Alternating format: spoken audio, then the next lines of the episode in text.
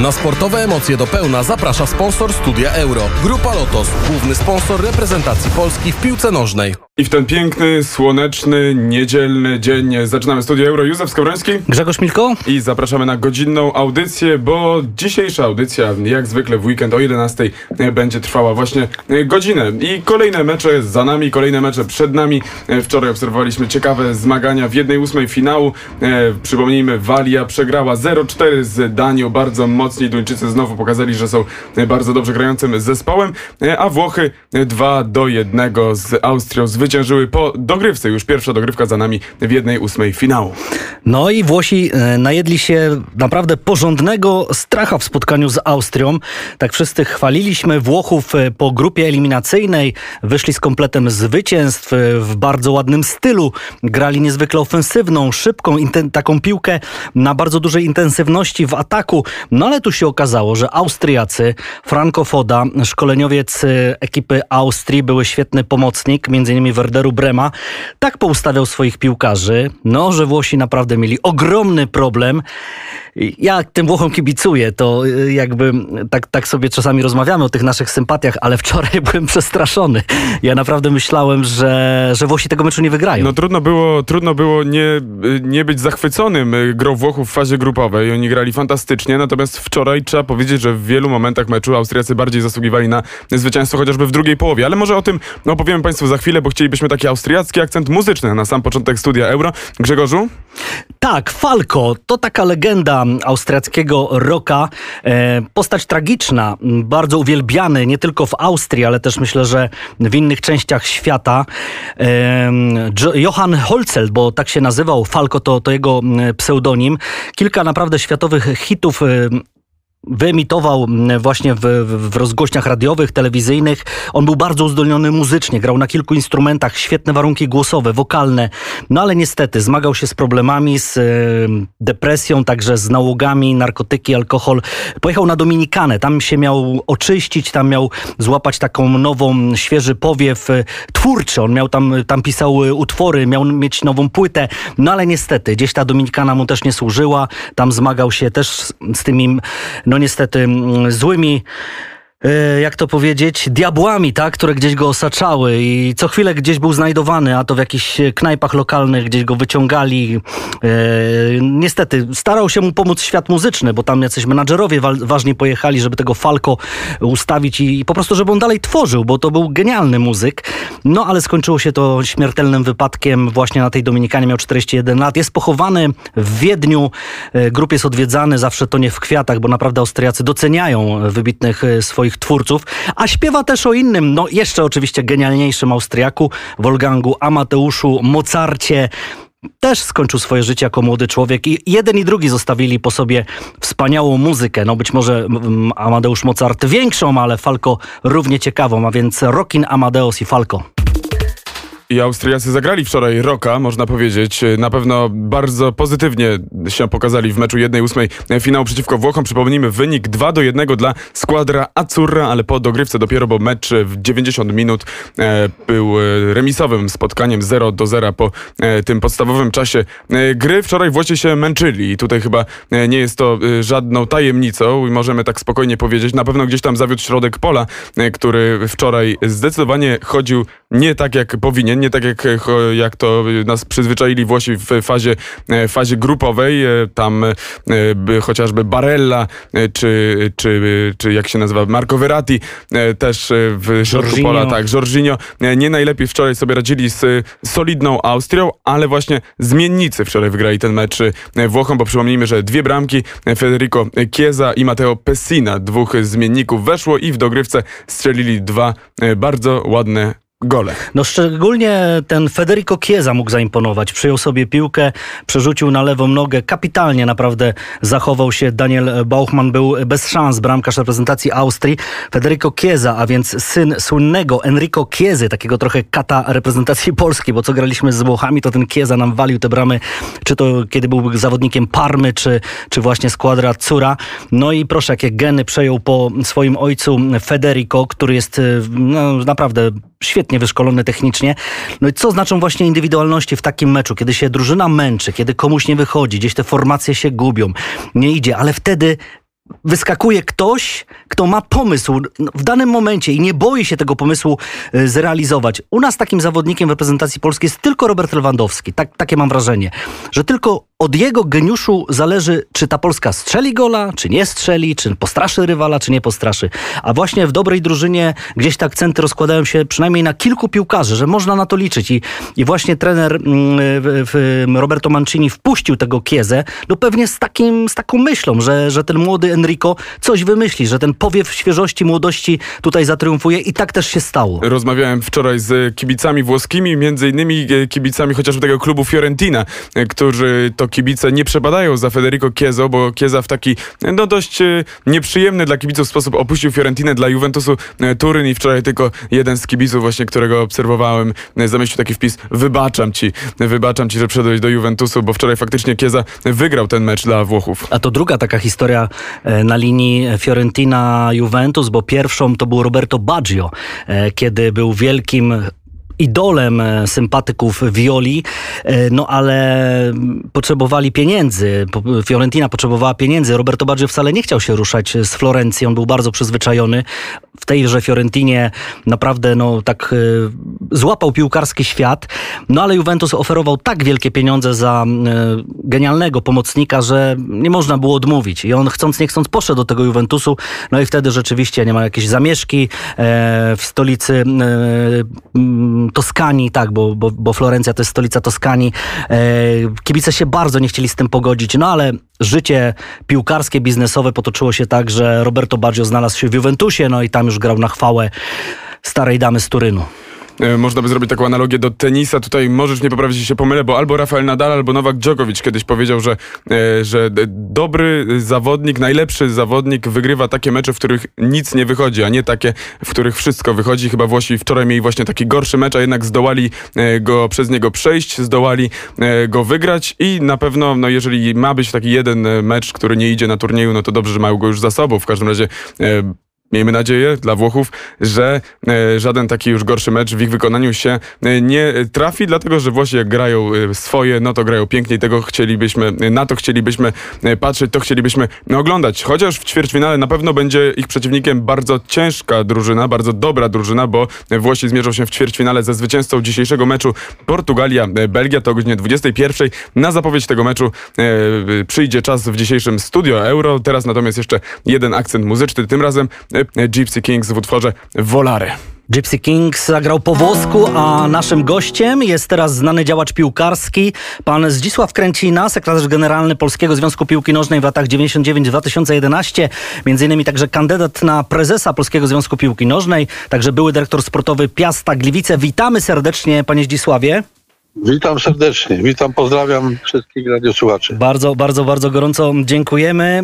Mm, cały czas wracamy do tego udziału, czy też pseudo-udziału pi polskich piłkarzy na Euro 2020. Ma pan swoje przemyślenia na, ten temat? Co się stało, że wyszło tak słabo? Wie pan, ja mam takie bardzo ogólne, które pewnie ciągną się za mną już 20 lat. Mianowicie czasem sobie myślę, że powinniśmy mieć dwie reprezentacje narodowe. Jedną, która wywalczy awans do dużej imprezy, a drugą, która pojedzie na finały. Jakoś nie możemy się zmobilizować i podczas kwalifikacji, i podczas finałów jednocześnie. Także no, no niestety jakiś taki brak koncentracji powoduje, że, że w tych finałach idzie nam znacznie gorzej. No, może po prostu mamy, mamy takich piłkarzy. No, jeden Robert Lewandowski do finału nas nie wprowadzi e, na Wembley, niestety. Natomiast e, Wczoraj mieliśmy okazję porozmawiać mm, z panem Januszem Basałajem, dyrektorem do spraw e, mediów i komunikacji. No i też padły takie ciekawe słowa, że my trochę za bardzo ściągamy winę z samych piłkarzy i staramy się szukać e, u trenera, może u działaczy. Czy też pan ma taką optykę na to, jako były, były działacz związkowy, że Piłkarze się zbierają po meczu, dobrze jest porażka, jest smutno, coś tam powiedzą, ale za chwilę wracają do swoich klubów i praktycznie cały ciężar gatunkowy skupia się jednak na tych wszystkich, którzy są dostępni, czyli właśnie Polski Związek Piłki Nożnej, trener, no w tym przypadku Sousa. Też pan myśli, że to tak wygląda? Tak, y, myślę, że tak było też y, w przeszłości. Także to nie jest taka jednorazowa impreza, która się skończyła niepomyślnie, bo przypomnijmy, no oprócz Francji, y, wszystkie jakby od 2002 kończyły się na tej fazie grupowej. I, i oczywiście ma pan tutaj bardzo ra, dużo racji w tym, że Y, że to jest wina, która się rozkłada po równi na, na wszystkich i, i działaczach, i piłkarzach, i trenerach. No nie możemy tego optimum znaleźć nigdy i, i dlatego tak się dzieje. Natomiast no, nie da się ukryć, że na, podczas finałów piłkarze no, nie myślą tylko o tym, co nas czeka za trzy dni, że kolejny mecz, tylko też jest już wizja tego, że z wakacją, e, że są wakacje i trzeba z rodziną gdzieś wyjechać, odpocząć. To, to dało się zauważyć na takich dużych imprezach. Ale to, to smutne, to naprawdę bardzo smutne, bo oczywiście każdemu się mm, należy odpoczynek i wakacje, no ale jeśli gramy dla Polski, to, to gramy na full. Tak, tak, tak mi się wydaje. Tak. E... No wie pan, mhm. to, jest, to jest niesamowite. Przecież niektórzy z nich E, jednorazowo tylko występują w takich imprezach. No, dla mnie niepojęte, że nie do końca są skoncentrowani, nie do końca no, walczą e, o to, aby przejść do historii. No, nawet taki Robert, e, który no, ma wspaniałą, e, wspaniałe wyniki jako piłkarz klubowy, no ale też mu kiedyś będzie brakowało tego, że w reprezentacji nie osiągnął jakichś sukcesów. Oczywiście mamy w przeszłości z kolei piłkarzy, którzy yy, osiągnęli prawie wszystko grając w reprezentacji. Yy, nie bardzo szło im w klubie, bo i te kluby nie były takie bogate, jak aktualnie to ma miejsce. No ale mają, mają co wspominać. No ja mówię o tym pokoleniu lat 70 i 80. Ale też nie byli puszczani, bo przecież wiemy, że 74 rok i ta reprezentacja byłaby wykupiona na pniu. Dejne chciał Real Madryt, Late chciał Bayern Monachium, Szarmacha chciał bodaj Intermediolan i tak dalej, i tak dalej. No trochę to pokolenie miało pecha. Dokładnie tak było. Pokolenie miało pecha, my mieliśmy szczęście jako kibice. No oczywiście dzisiaj to jest niemożliwe, żeby zgromadzić wszystkich najlepszych w kraju, ale tak mi się wydaje, że czasem e, trenerzy za głęboko sięgają e, do tych graczy klubów zagranicznych. Ja myślę, że w przyszłości trzeba by oprzeć tą reprezentację może o trochę gorszych jakościowo piłkarzy, ale grających w klubach polskich, bo to dla nich e, byłoby wyzwanie gdyby mogli na dużym turnieju się pokazać i ewentualnie potem sobie e, wyjechać za granicę. No ale te kluby polskie wtedy powinny też e, jak najbardziej stawiać na, na zawodników e, polskiej narodowości, bo jak patrzymy na kluby ekstraklasy, to jednak tam też jest taka mentalność, żeby sprowadzać chociażby starszych, już nie grających zawodników z jakichś tam zagranicznych lig.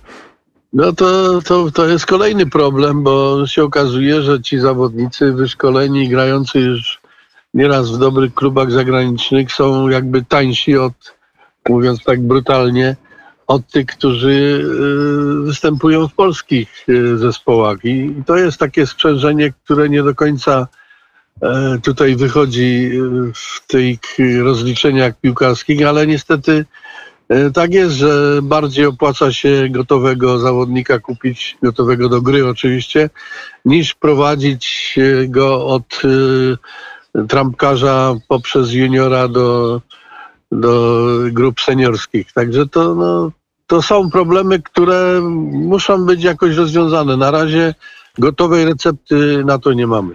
No tak, ale później przykro jest oglądać naszą ligę. Przyzna pan też jako przecież działacz klubów naszej ekstraklasy, Piasta Gliwice chociażby, że nie wiem, zawodnik z trzeciej ligi hiszpańskiej jest gwiazdą w naszej ekstraklasie, czy też zawodnicy, którzy gdzieś tam z Chorwacji powiedzmy już jadą sobie na emeryturę e, do Polski. To chyba tak nie powinno być. No, nie powinno być, ale, ale jeśli ten no ja mam przykład dobry z Piasta właśnie, Gerard Badia, który swoją trzecią ligą spadł do czwartej, a nawet ten klub potem został rozwiązany, no przypadkowo pokazał się w sparingu z Piastem na zgrupowaniu w Hiszpanii. No i przeżył piękny okres tutaj y, w kraju, właśnie w Gliwicach. Także to proszę sobie wyobrazić, ilu takich piłkarzy w tych ligach y, niższych y, gra w takich krajach, którzy mogą zasilać nasz y, rynek tutaj. Czyli tak naprawdę w, y, w zakresie tej naszej polskiej reprezentacji, w tej ogólnej ocenie idziemy właściwie w kierunku takim, że y, cały ten system szkoleniowy gdzieś powinien się zmienić. Teraz zmieni się prezes Polskiego Związku Piłki Nożnej. Jak pan myśli, jaki to będzie miało wpływ? Kto tym prezesem może zostać? I jak oceniłby pan te prawie 10 lat urzędowania na stanowisku prezesa z PZPN Zbigniewa Bońka?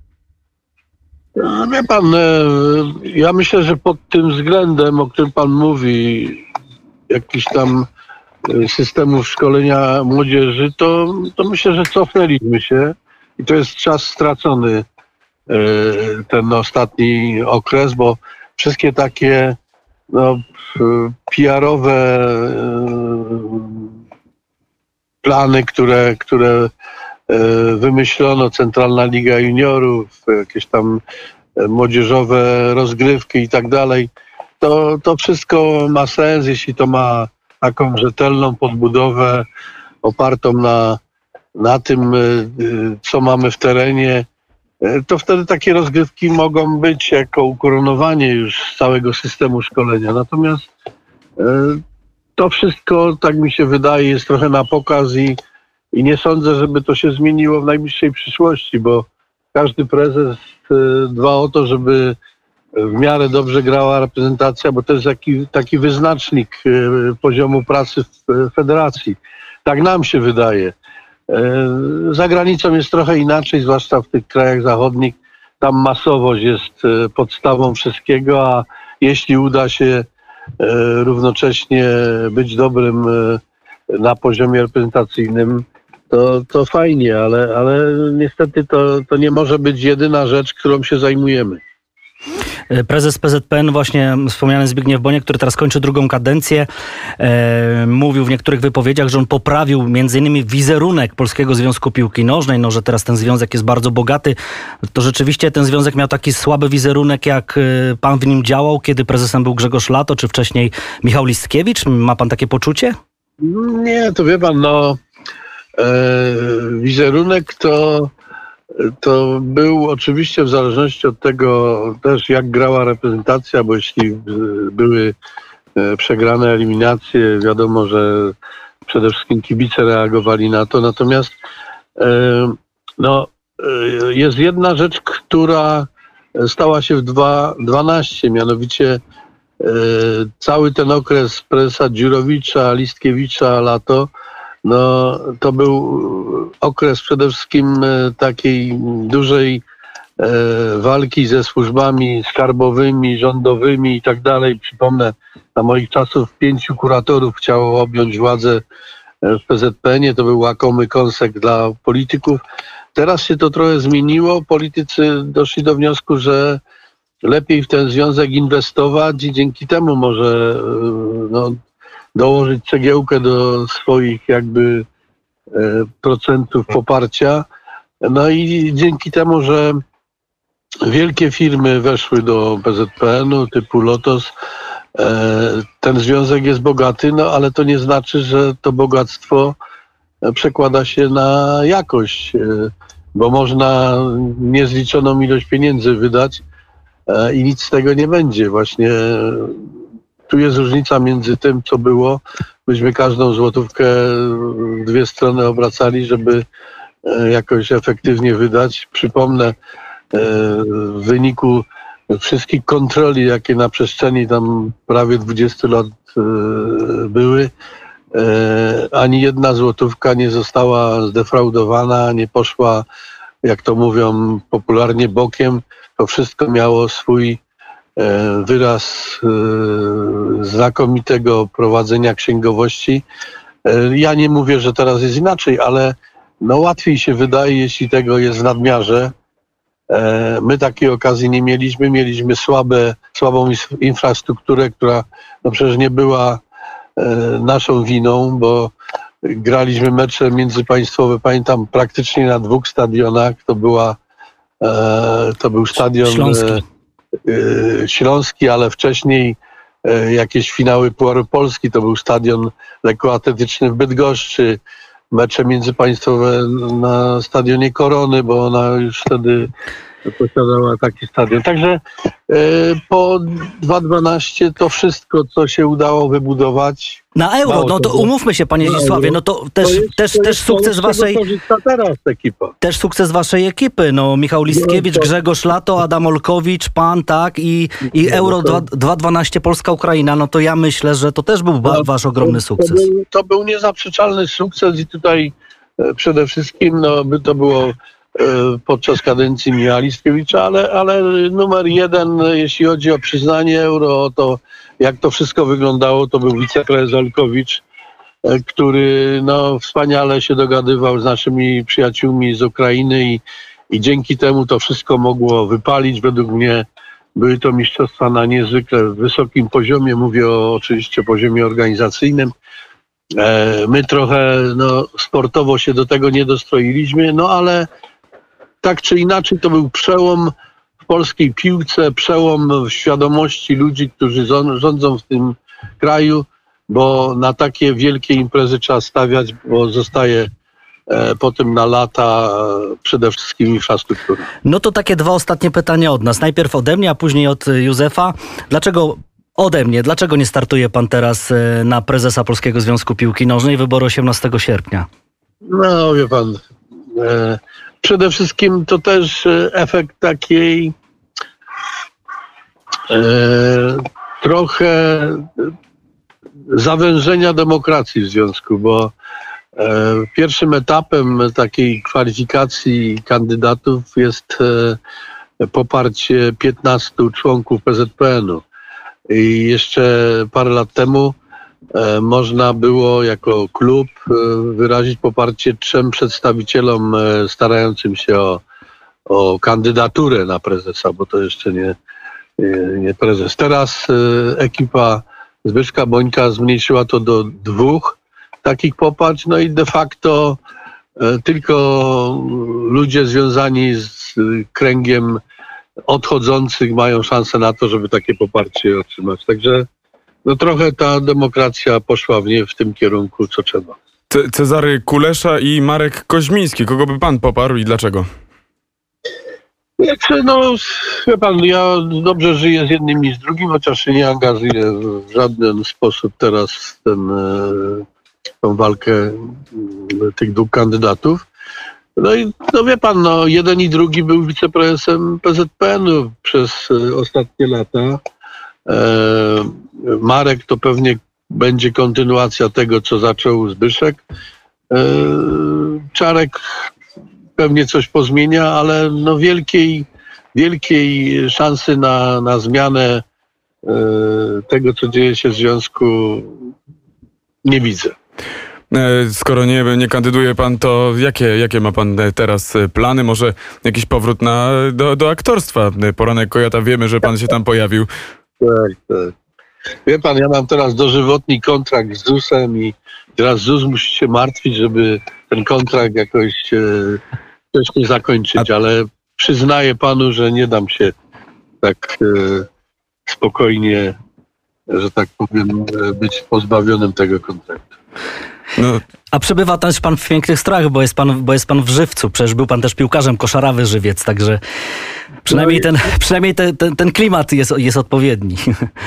Nie, no zgadza się, to jest moje ulubione miejsce na ziemi i to jest mój rodzinny dom i, i często wracam, zwłaszcza teraz w czasach covidowych e, i, i emerytury, którą mam, no jest mi dużo łatwiej tutaj przebywać e, na dłużej niż do tej pory bywało, bo, bo do tej pory to wpadałem często tylko do Żywca, obejrzałem parę meczy A klasy, B klasy i wracałem do Warszawy. Teraz mogę mogę trochę dłużej być. Panie Zdzisławie, bardzo serdecznie dziękujemy za miłą rozmowę, miłe spotkanie i rzeczowe przede wszystkim. E, Pozdrowienia tutaj też od naszych słuchaczy, kibiców studia Euro Radia Wnet. Dziękujemy.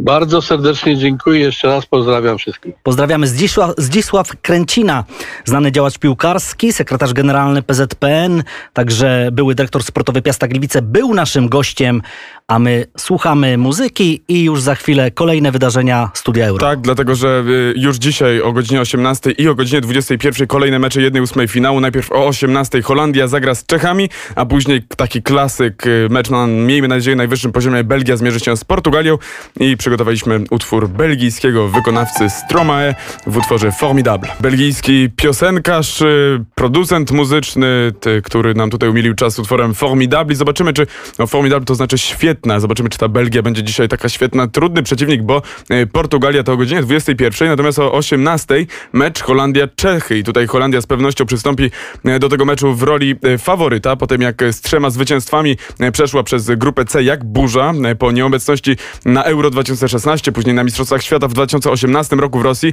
Holendrzy zaimponowali tutaj po powrocie na tą międzynarodową scenę piłkarską i z ośmioma bramkami na koncie po fazie grupowej byli najlepszą drużyną, najskuteczniejszą drużyną z największą ilością y, goli. Y, Trzy z tych goli strzelił Jorginho Wijnaldum, y, a dwukrotny zdobywca tytułu Man of the Match, czyli najlepszego zawodnika meczu to Denzel Dumfries, który błyszczy tutaj piłkarz PSV Eindhoven, będzie na pewno rozchwytywany po tym turnieju. Zdobył dwa, dwa gole, chociaż tak naprawdę jest takim wahadłowym obrońcą, wręcz czasami pokazywanym jako obrońca w tych składach wyjściowych, natomiast jest też bardzo skuteczny i bardzo ofensywny i jest nie lada wyzwaniem dla przeciwnika. Holendrzy będą musieli y, ponownie dać z siebie wszystko, muszą pokonać solidnych bardzo Czechów.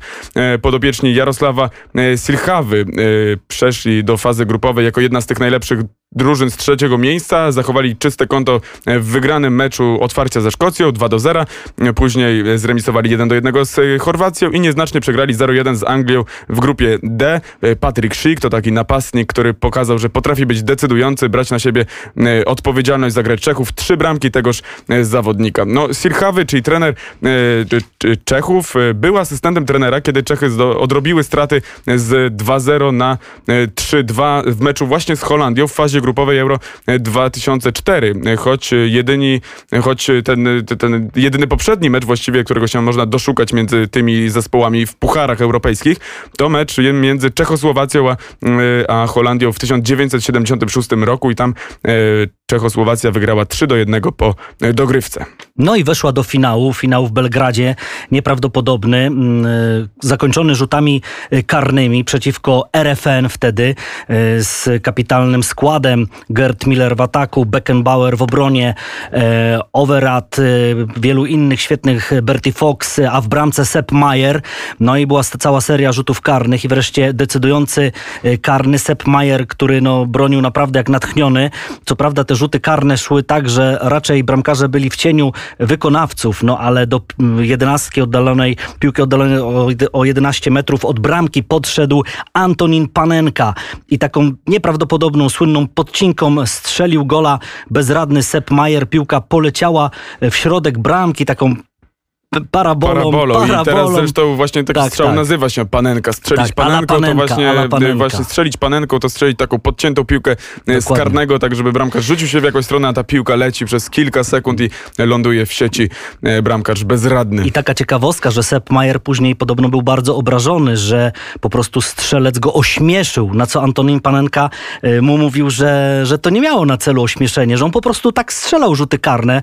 Był wtedy zawodnikiem e, klubu Bohemians Praga i on w lidze czechosłowackiej często wykonywał właśnie rzuty karne w ten sposób, że zresztą je trenował i to nie miało na celu ośmieszenie, tylko po prostu to był taki jego piłkarski feeling. On był świetnie wyszkolony technicznie, on później grał w Rapidzie w jeden wiele, wiele sezonów. Dziś jest jednym z dyrektorów Bohemiansa Praga, no zresztą to jest taka kultowa postać czeskiej piłki, jeszcze wtedy czechosłowackiej. No i tenże Antonin Panenka właśnie gdzieś tam po latach miał okazję z tym Sepem Majerem porozmawiać i wyjaśnił mu, że przecież ja ciebie nie chciałem ośmieszyć, bo ty byłeś jednym z najlepszych bramkarzy świata. Yy, Po prostu tak strzeliłem. No i wtedy Czesi, Czechosłowacy, Czech, Czechosłowacja, Czechosło, drużyna Czechosłowacji wygrała to Mistrzostwo Europy yy, właśnie bardzo nieoczekiwanie. Taki reportaż kiedyś widziałem, że Antonin Panenka mówił, że, że oni nawet nie wiedzieli jak się cieszyć, bo oni nigdy czegoś takiego nie wygrali. Zdenek Nehoda wtedy też był takim świetnym napastnikiem, no ale to przeszło już do historii światowej, europejskiej piłki, że właśnie W 76 roku to Czechosłowacja była najlepszą drużyną e, Europy. Taki później swój bardzo dobry czas też miała w 96. Wtedy akurat e, przegrała w finale z Niemcami na stadionie Wembley w Londynie.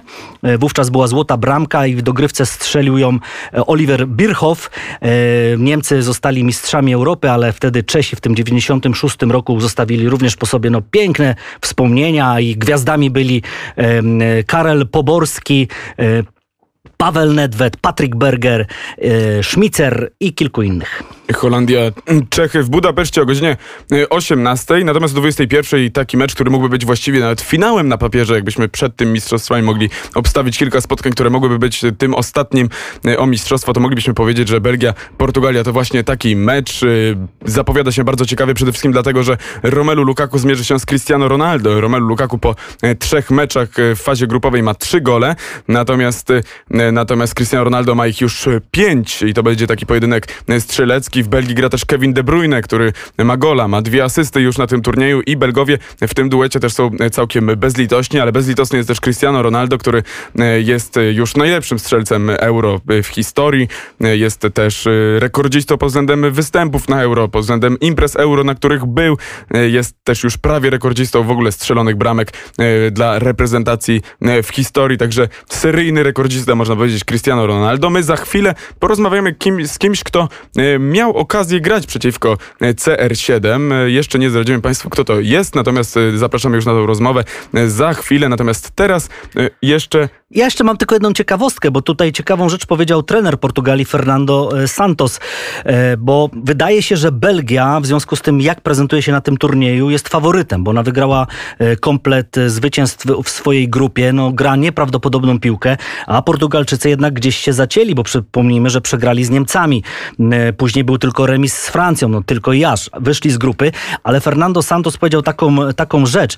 My nie będziemy dostosowywali taktyki do przeciwnika. Tak robią tylko zespoły małe. Na pewno będziemy uważać na ruchliwych Lukaku, Mertensa czy Carrasco. Od nas zależy, czy będziemy w stanie ich zatrzymać i skutecznie bronić. No i to będzie na pewno bardzo ciekawy pojedynek, szczególnie, że Portugalia umie prowadzić e, grę i umie sprawić, żeby to przeciwnik się do- dostosowywał. Widzieliśmy to też fragmentami z Francją, natomiast Belgia jest silna, mocna i także e, umie grać ofensywny futbol. Zobaczymy, jak będzie dzisiaj o 21. E, Za chwilę, tak jak wspomniałem, kolejna rozmowa w Studio Euro. Teraz natomiast utwór, który był, był takim oficjalnym utworem Mistrzostw Europy w 2004 roku, które odbywały się właśnie w Portugalii. Nelly Furtado. Kolejnym gościem Studia Euro jest Arkadiusz Malarz. E, Arkadiusz Malarz, e, legendarny bramkarz Legii Warszawa, klubu stołecznego. Dzień dobry panu. Dzień dobry, witam. E, I może zacznijmy w takim razie rozmowę, bo oczywiście chcielibyśmy pana zapytać w tej naszej rozmowie, w tej naszej dyskusji o Cristiano Ronaldo, bo grał pan przeciwko niemu, ale to może za chwilę. Najpierw może e, jak pan ocenia e, występ naszej reprezentacji na Euro 2020? E, powiem tak, e, myślę, że nie tylko ja, ale i, i, i my wszyscy liczyliśmy na, na coś więcej. Przede wszystkim na wyjście z grupy. Nie udało się. Myślę, że ten kluczowy, to kluczowe spotkanie ze Słowacją mm, przegrane i, i później konsekwencja już e, tego, że mm, może musieliśmy i e, z Hiszpanami e, niezły wynik, ze Szwecją przegrywaliśmy, goniliśmy, niestety nie udało się i, i wracamy do domu. Przykro, no ale nic, no teraz musimy, musimy się skoncentrować na, na kolejnym turnieju. Czy tak, czy tak wygląda stan polskiej piłki, Twoim zdaniem? Bo teraz e, są różne oceny, kto zawalił i dlaczego. Czy ta kadra była dobrze dobrana? Czy gdzieś te proporcje między młodymi a starymi były powiedzmy odpowiednie? Czy może jednak ten grosik na ten mundial, na, te, na to euro powinien pojechać i tak dalej, i tak dalej? Jakie jest Twoje prywatne zdanie? Moje prywatne zdanie jest takie, że to trener e, podejmuje decyzje, to trener odpowiada za, za kadrę i myślę, że trenera rozliczamy i będziemy rozliczać z wyników. No, wyniki wiemy, jakie, jakie były. więc myślę, że to trener jest odpowiedzialny za to, to on dobiera zawodników, tak powiedziałem, więc e, ciężko jest tutaj e, teraz gdybać, kogo mógł powołać, kto by się przydał, bo gdybyśmy wyszli z grupy, nikt by się nad tym nie zastanawiał, nikt by e, o tym nie mówił, wszyscy by chwalili trenera, że, że jest super, że jest fajnie, że się udało, a tak, e, no niestety, kończymy e, przygodę z turniejem, mm, nie wychodząc z grupy, więc ja myślę, że tutaj no, odpowiedzialność e, przede wszystkim spada na trenera, bo to on dobierał zawodników, to on selekcjonował tą, tą kadrę. Jedna z decyzji, którą musiał podjąć Paulo Souza, to było, y, kto zagra między słupkami polskiej reprezentacji. Ty jesteś bramkarzem. Y, czy ty też podjąłbyś decyzję, żeby to właśnie Wojciech Szczęsny, a nie Łukasz Fabiański grał w pierwszym składzie naszej reprezentacji? Nigdy się nie lubiłem i nie wypowiadam odnośnie bramkarzy. Myślę, to jest e, spostrzeżenia trenera, trenera od bramkarzy reprezentacji, to oni e, widzieli w jakiej są formie e, nasi bramkarze, to oni podjęli decyzję, e, kto będzie jedynką, kto będzie dwójką, więc e, no, ciężko mi się jest wypowiadać na ten temat. E, Ja nie widziałem, e, jak wyglądają, w jakiej są formie, ale myślę, że trener e, no, wybrał dobrze, skoro, skoro postawił na Wojtka, no to e, widocznie uznał, że jest e, w, do, w optymalnej formie na ten turniej. Ale też są różne szkoły, różne optyki, bo Wojciech Szczęsny już wcześniej wiedział, że będzie właśnie jedynką. Czy ty z pozycji bramkarza wolisz wiedzieć, że to na ciebie postawi trener, czy jednak gdzieś do końca taka niepewność, skoro on ma wyrównanych e, bramkarzy, bo przecież też jest Łukasz e, e, Skorupski, mm, przepraszam, Łukasz Fabiański, Wojciech Skorupski, tak, i Wojciech Szczęsny. I teraz pytanie jest takie, czy bramkarz powinien mieć świadomość, że jest jedynką, czy gdzieś się dowiedzieć na odprawie w ostatniej chwili, że to on wychodzi między słupki? E, Moje zdanie jest takie, że bramkarz powinien wiedzieć, powinien czuć to zaufanie. Ja też e, lubiłem wiedzieć e, w klubie, że, że stawiają na mnie, że, że to ja jestem numerem jeden. I, i, I mam to zaufanie trenera i myślę, że to, to pomaga przede wszystkim mieć taki spokój. Więc ja bym tutaj się nie czepiał o to, że, że, że numer jeden został wybrany e, przed turniejem, a nie e, jakby, nie wiem, parę godzin, czy, czy tam dwa dni, dwa dni przed e, tym pierwszym spotkaniem. Bramkarz musi mieć, mieć spokój, musi mieć pewność, że to on zaczyna. Wiadomo, różne są sytuacje, obniżka formy, różne, e, różnie to, to, to bywa, ale, ale tak jak powiedziałem, no, bramkarz musi czuć to zaufanie trenera. Trwają jeszcze mi- eliminacje Mistrzostw Świata. Może rzeczywiście Łukasz Skorupski, Łukasz Fabiański, Wojciech Szczęsny, ale gdzieś w perspektywie jest, e, jest Drągowski chociażby, Majecki i, no i kilku pewnie uzdolnionych polskich bramkarzy. Ale to zostawmy. Może przejdźmy do Portugalii. E, Tak, bo pamiętamy, że Legia Warszawa grała kiedyś z Realem Madryt w Lidze Mistrzów, dwa spotkania, no i na pewno najbardziej zapamiętamy to, w którym zremisowaliście z e, Realem 3 do 3. W obydwu spotkaniach grał Cristiano Ronaldo. Dzisiaj on wystąpi przeciwko e, Belgii. Ronaldo jest w formie. A jaki to jest piłkarz e, na boisku? Jak to jest grać przeciwko Cristiano? Jak to jest przeciwko Cristiano grać? Myślę, że to jest spełnienie marzeń, bo, bo jak pamiętam, jak, e, jak wychodziliśmy, jak pierwszy mecz rozgrywaliśmy na Bernabeu, to sobie w tunelu, stojąc obok niego, zastanowiłem się, przed chwilą jeszcze go oglądałem e, w telewizji, a teraz stoję obok niego, więc e, no coś niesamowitego, niesamowite prze- przeżycie. Utkwiła mi jedna sytuacja w drugiej połowie, gdzie, gdzie było dośrodkowanie z bocznej strefy w pole karne na siódmy metr i, i wszyscy wyskoczyli, e, e, moi obrońcy e, wyskoczyli do góry, napastnicy, Ronaldo i wszyscy jak spojrzałem, spadli na ziemię, a Ronaldo jeszcze był w powietrzu, więc no coś niesamowitego. Ten jego wyskok i, ten timing, który ma, no nie tylko to, ale myślę, że jest piłkarzem kompletnym i, i myślę, że dzisiaj będziemy świadkami naprawdę fajnego widowiska z, przeciwko Belgii.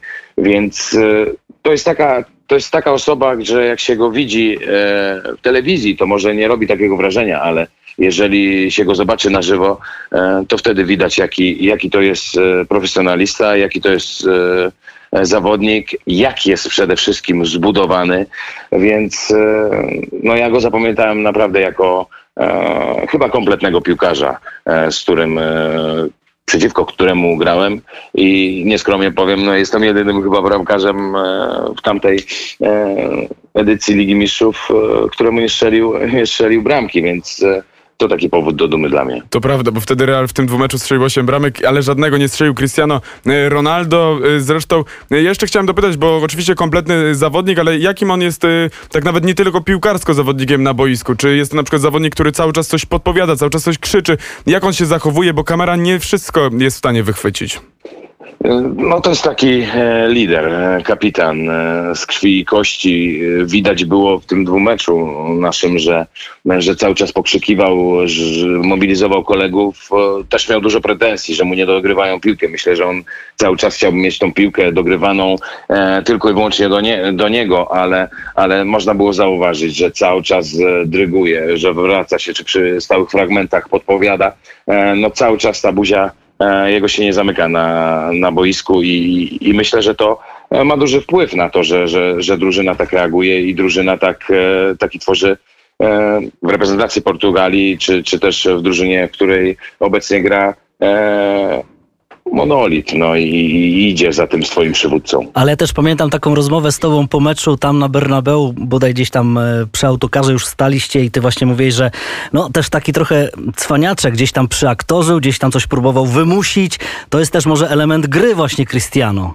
Zgadza się, zgadza się. Myślę, że to nie tylko on, że, że dużo jest takich pi piłkarzy, którzy, którzy no, może też e, nieświadomie to robią, niektórzy świadomie, więc e, to jest też element e, gry w piłkę nożną, któ- któ- którzy oni uważają, że, że to jest fair, czasami nie, ale, ale tak Cristiano podchodzi, czasami wymusi faul, czasami, czasami gdzieś przy aktorze.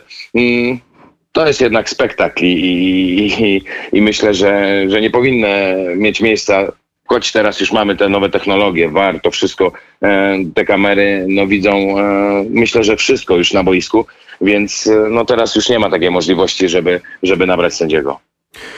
Polska już odpadła z turnieju Euro 2020. Komu teraz będziesz kibicował? Ojej, komu? Wczoraj oglądałem Włochów i, i, i naprawdę e, trzeba powiedzieć szczerze, że męczyli się z Austrią i e, te 2-1 po dogrywce mm, przeszli dalej. Myślę, że nie są zadowoleni z tego spotkania, bo, bo naprawdę Austria postawiła im bardzo ciężkie warunki.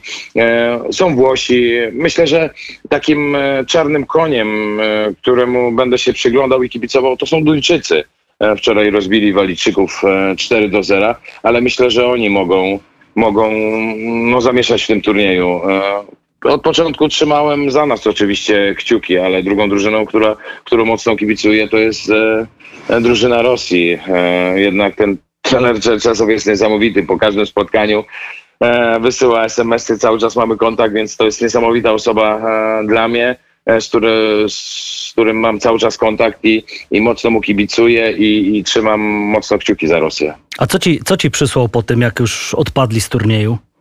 E, Ostatnio, ostatnio się śmiałem, e, wysłałem z e, konferencji prasowej, że e, troszeczkę przedrzeźniał e, Cristiano Ronaldo, bo Ronaldo schował Coca-Colę i, e, i powiedział, żeby wszyscy pili wodę, a, a trener Czesczesow otworzył tą Coca-Colę i się napił, więc e, napisałem mu, że, nie jest niesamowity.